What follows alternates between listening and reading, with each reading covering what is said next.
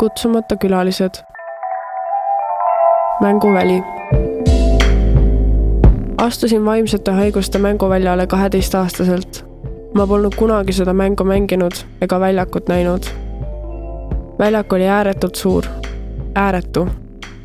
keegi ei seletanud mulle mängureegleid ja ma ei näinud seal ühtegi inimolendit peale iseenda mu ümber olid ainult erinevad tunded, millele ma ei osanud nime anda. väljak oli suur ja kõle. Mul olid seljas hallid põrsastega pidžaamapüksid ja roosa öökulliga särk. jalas erinevad sokid, juuksed segamini, sest ma ei tahtnud neid enam kammida ja silmis pisarad. ma ei nutnud. ma hakkasin ennast siiralt ja sügavalt vihkama, kui olin kuuendas klassis. ma ei olnud kunagi enda jalgu raseerinud, ma polnud kunagi juuksed värvinud, end meikinud. ma olin laps ma tean, et mõned, kes seda loevad, on lapsevanemad. Ma ei oskaks iial teile lahti seletada seda, kuidas ma ennast päriselt tundsin. olin kaksteist, kui vaatasin peeglisse ja ütlesin, et ma olen paks, rõve ja kasutu. päris pikalt ei rääkinud ma sellest kellelegi. ma lihtsalt teadsin, mis ma vastuseks saan. miks on vaja rääkida sellest perele, kelle hittlause ja üks väheseid asju, mida enda lapsepõlvest mäletan, on sa oled liiga väike, et midagi tunda ma saan oma perega hästi läbi. Ma armastan nende peret. tean, et nad ei osanud teisiti. kaheteistaastaselt olin hakanud ennast näljutama, toitu välja oksendama ja ülesöömishooge kogema. ma hakkasin rohkem valetama, sest mul oli vaja kaitsta oma mürgiseid saladusi. mitte keegi ei tohtinud teada saada, mida ma tegelikult tegin keegi ei tohtinud teada, et ma arvutasin koolisööklas peast kaloreid ja võtsin kahe leivapooliku asemel ühe, et keegi mulle midagi halvasti öelda ei saaks. Kuigi kedagi tegelikult ei huvita, mitu leivaviilu nende klassikaaslane sööb. aga mul oli tunne, et kõik vaatavad mind. mul oli tol ajal tohutult hea klassijuhataja. tema oli esimene, kes märkas, et minuga on midagi valesti. ta tuli minuga rääkima, kui üksinda söögivahetunni ajal maas istusin ja lasi mul muusikaklassis alati kauem olla. sa oled väga andekas kas sa oled kindel, et sul on kõik korras? jaa, ma olen lihtsalt väsinud. Aplaus mulle selle eest, et ma arvasin, et olin kõik sellega ära petnud. triibuliste käte ja aukus silmadega, kahtlaselt vaikne laps on lihtsalt väsinud, milleks üldse pead murda? kallis laps, mis need su käe peal on? sa oled liiga noor selliste asjade jaoks. okei okay,, ma olen kaksteist söömisprobleemidega tuli ilmselgelt kaasa ka lihtne depressioon, nagu mu esimene ebameeldiv psühholoog ütles. see on iseenesestmõistetav. Psühholoog oli eakas naine, kes võttis minu olukorda kui kõige mõttetumat asja maailmas ja viskas lihtsalt õhku selle, et mul on haigus, andmata mingit seletust, kuidas sellega tegeleda. ta ütles mulle, et tal on ka raske. okei okay olin saanud kuu aega tagasi kolmteist ja sõitsime emaga Tartusse psühhiaatri juurde, sest olin netist lugenud, et seal on paremad arstid ja olin endale ise aja pannud, sest keegi teine minu asjadega ei tegelenud. sa pead ise hakkama saama. okei okay,, ma olen kolmteist.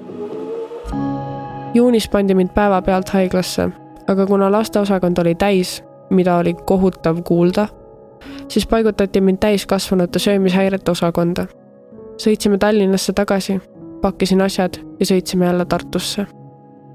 vanaema oli ka mind saatma tulnud, istusin pärast nende äraminekut voodis, kõlgutasin oma roosasid konverse ketse üle voodi ääre ja vaatasin maha. Kui haiglaõde tuli minuga rääkima, olin lihtsalt vait ja kuulasin. ma ei osanud midagi öelda, olin jäetud Tartusse kahe toakaaslase seltsi end ravima. toakaaslasteks olid mul kahekümneaastane anorektik ja neljateistaastane bulimik Nad olid toredad, aga neist õhkus mingit negatiivset energiat, mis tegi mind valvsaks. esimene nädal oli emotsionaalne. meil olid grupiteraapiad, mida ma vihkasin ja söögikordi jälgiti. Seal oli minu mäletamist mööda kolm toiduvarianti. tavatoit, VR ja VR2, valgurikas. sain tavatoidu, kuna mu kaal oli täpselt piiri peal. toit pidi olema söödud poole tunniga ja see oli raske mänguväli oli kuudega natuke tuttavamaks saanud ja teadsin juba ka paari reeglit, et proovimänge teha. rohtudega muutus väljak aga veidramaks, tunded aina intensiivsemaks ja heitsid väljakule varje, mida mööda ma käima õppisin. tunnetas sai ta ka poltergeistid, kes hakkasid muutuma vägivaldseks. uued mängijad. meil oli ka füsioteraapia, kus pidime ükskord joonistama teiste inimeste seljale kujusid ja tema pidi ära arvama, mis kuju sinna joonistati. hakkasin nutma, kui võõras naine mu selga katsus. Läksin enda tuppa, viskasin veepudeli vastu seina ja asjad riiulilt maha õde tuli mu juurde ja ulatas mulle sõnagi lausumata ajalehed, mida katki hakkasin tirima. toakaaslased muutusid nädalatega lähedasemaks ja meil hakkas isegi natuke lõbus. Nad rääkisid, kuidas käisid duši all suitsetamas ja õpetasid mulle nippe, kuidas suitsuahisu ära hoida ja edukalt kaalu kaotada. nooremal toakaaslasel oli kaasas kitarr, mis meid ühendas ja millega ma talle pinda käisin. ema käis mul igal nädalavahetusel vennaga külas meie suhe oli pingeline. lahkusin pärast ühte kuud haiglast nippide ja trikkidega. võtsin veel mitu kuud vastumeelselt rohte, mis mitte midagi ei teinud ja olin jaanuaris tagasi Tallinna haiglas nagu kellavärk.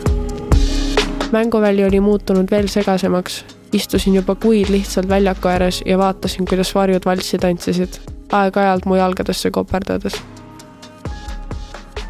võtsin Tallinna haiglasse nipid ja trikid kaasa tegin näo, et pidin pärast igat rohu võtmist nuuskama ja sülitasin rohud salfaka sisse. pärast nädalat jäin vahele ja siis hakati iga kord mu keelealust kontrollima. olin jaanuaris haiglas kaks nädalat, kuna rohkem ei tohtinud ja mu toakaaslaseks oli satanist, kes joonistas ja kirjutas pidevalt midagi oma märkmikusse. sain lõpliku vastuse, kui guugeldasin ta Instagrami bios olevat sõna laveian see haiglakord ei teinud mu jaoks taaskord mitte midagi elu jätkus samamoodi nagu enne. pigem oli nüüd jälle raskem, sest teadsin juba, et langen jälle tagasi vanasse rutiini. see oli üks valusamaid asju, kui proovid tervemaks saada. Relapse. sa ootad väljaspoolt abi inimestelt, kes pole su probleemidega kunagi kokku puutunud ja ei plaani ka ennast sellel teemal rohkem valgustada. sest sa oled ju ainujuhtum. mõtle oma peaga. guugelda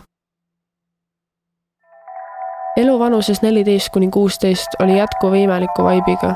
mul oli tunne, nagu oleks mu sees midagi väga valesti olnud, aga ma ei teadnud, mis see täpselt oli ja mind lõpuks ei huvitanud ka. käisin haiglas sisse-välja mööda arste ja spetsialiste. kui sain neliteist, hakkasid pubeke ja trots ja sonni kangekaelsus mu vaateid muutma ja mõtlesin, et miks ma üldse pingutan selle nimel, et terveneda elu mürgise ja kurvana oli ju palju ettearvamatum ja põnevam. milleks olla igav ja rõõmus? ma ei saa salata, et mingi osa minust arvab ikka veel samamoodi. mänguväli oli endiselt sama suur, tunded ikka intensiivsed. järgmine aasta otsisin endale suveks tööd, et olla veel iseseisvam, kuna seda minult oodatigi. vahepeal taheti, et laseksin end lõdvaks ja kurdaksin järgmistel hetkedel sain vastuseks, sa oled suur tüdruk, mõtle oma peaga. okei okay,, olen viisteist. hakkasin ärevuse jaoks klassivendadelt suitsu näppama ja kurvameelsuse vastu enda keha jälle lõikelauana kasutama. olin edukalt aasta aega pausi pidanud. viieteistaastaselt olin suitsetaja ja lõikuja, vahepeal ka põletaja. ajasin ennast selles vanuses ka kiilakaks, mis oli tagasivaates päris äge tol ajal mitte, sest mul hakkas tekkima tsüstiline akne ja mul polnud enam juukseid kaitseks näo ette tõmmata. tuju läks aina halvemaks ja suitsupakid hakkasid kiiremini kaduma. ma ei jõudnud silmagi pilgutada, kui juba kuusteist sain. muutusid nii mina kui mu elu. siis tuli mängu muusika ja sealt hakkasid hoopis omad seiklused, kust enamiku lugusid jätan hea meelega veiniga lõkke äärde juuksed olid piisavalt pikad, et neid juba soengus kanda ja nii saidki manna üheks põhijooneks kaks krunni pealael. keegi vist ei teagi, et kandsin seda soengut iga päev hommikust õhtuni selleks, et mu naturaalselt koledat väljakasvu näha poleks. see suvi oli täis erinevaid inimesi, festivale, alkoholi ja drooge. aga ma ei saa salata, see oli üks kuradi äge suvi. ignoreerisin igat probleemi oma peas sest olin kogu aeg tegevuses ja ei jätnud endale hetki mõtlemiseks. iga õhtu uus koht, rokkstaari elu, tead küll. ema ikka manitses, et tule see kell koju, ära tee seda ja nii edasi. aga mul oli talle perfektne vastus. ma olen suur tüdruk, ma mõtlen enda peaga. okei okay,, olen kuusteist sügisel algas gümnaasium, olin kuidagi sisse saanud ja suve lõpuga pidin hakkama hetki sisse laskma, et õppida. Olin just oma parima sõbrannaga tülli läinud ja ta kaotanud, mida proovisin ka asjalikult enda peast välja tõrjuda. nalja teed? see pailapse mäng kestis nädal aega. ülejäänud neli kuud vedasin end heal juhul kolmel päeval nädalas kooli ja olin pooled tunnid ära. mind visati välja neli kuud pärast gümnaasiumi algust. kõik, mida olin suve jooksul alla surunud ja eemal hoidnud, lõi mul septembri algul jalad alt ja raputas päris korralikult. Pärast raputust ei olnud kooli jaoks küll enam tahet alles. leidsin uue inimese, kellele oma probleemide asemel keskenduda. olen sellesama inimesega nüüd kaks aastat koos olnud ja kihlatud. see pole halb asi ega tähenda, et mu tunded sellest mõjutatud oleks. ta aitas mu selle raputuse paremini vastu võtta ja hoiab mind siiani vahepeal kahe jalaga maa peal. aitäh, kallis mängisin niimoodi tulega, sõna otseses mõttes, aastaid, kuni tunnetest heidetud varjud hakkasid mängu reaalselt huilates kaasa mängima. siis hakkas hirmsaks minema. aga muutusin lõpuks mänguväljal profiks ja teadsin täpselt, kuidas tunded tantsima panna nii, nagu mina tahtsin. hakkasin omaenda haigusi manipuleerima. aga ära unusta, karma on päris. palju õnne sünnipäevaks, seitseteist. tekst Maria Vainumäe. muusika Manna. Helikujundus Janek Murd. Levila kaks tuhat kakskümmend üks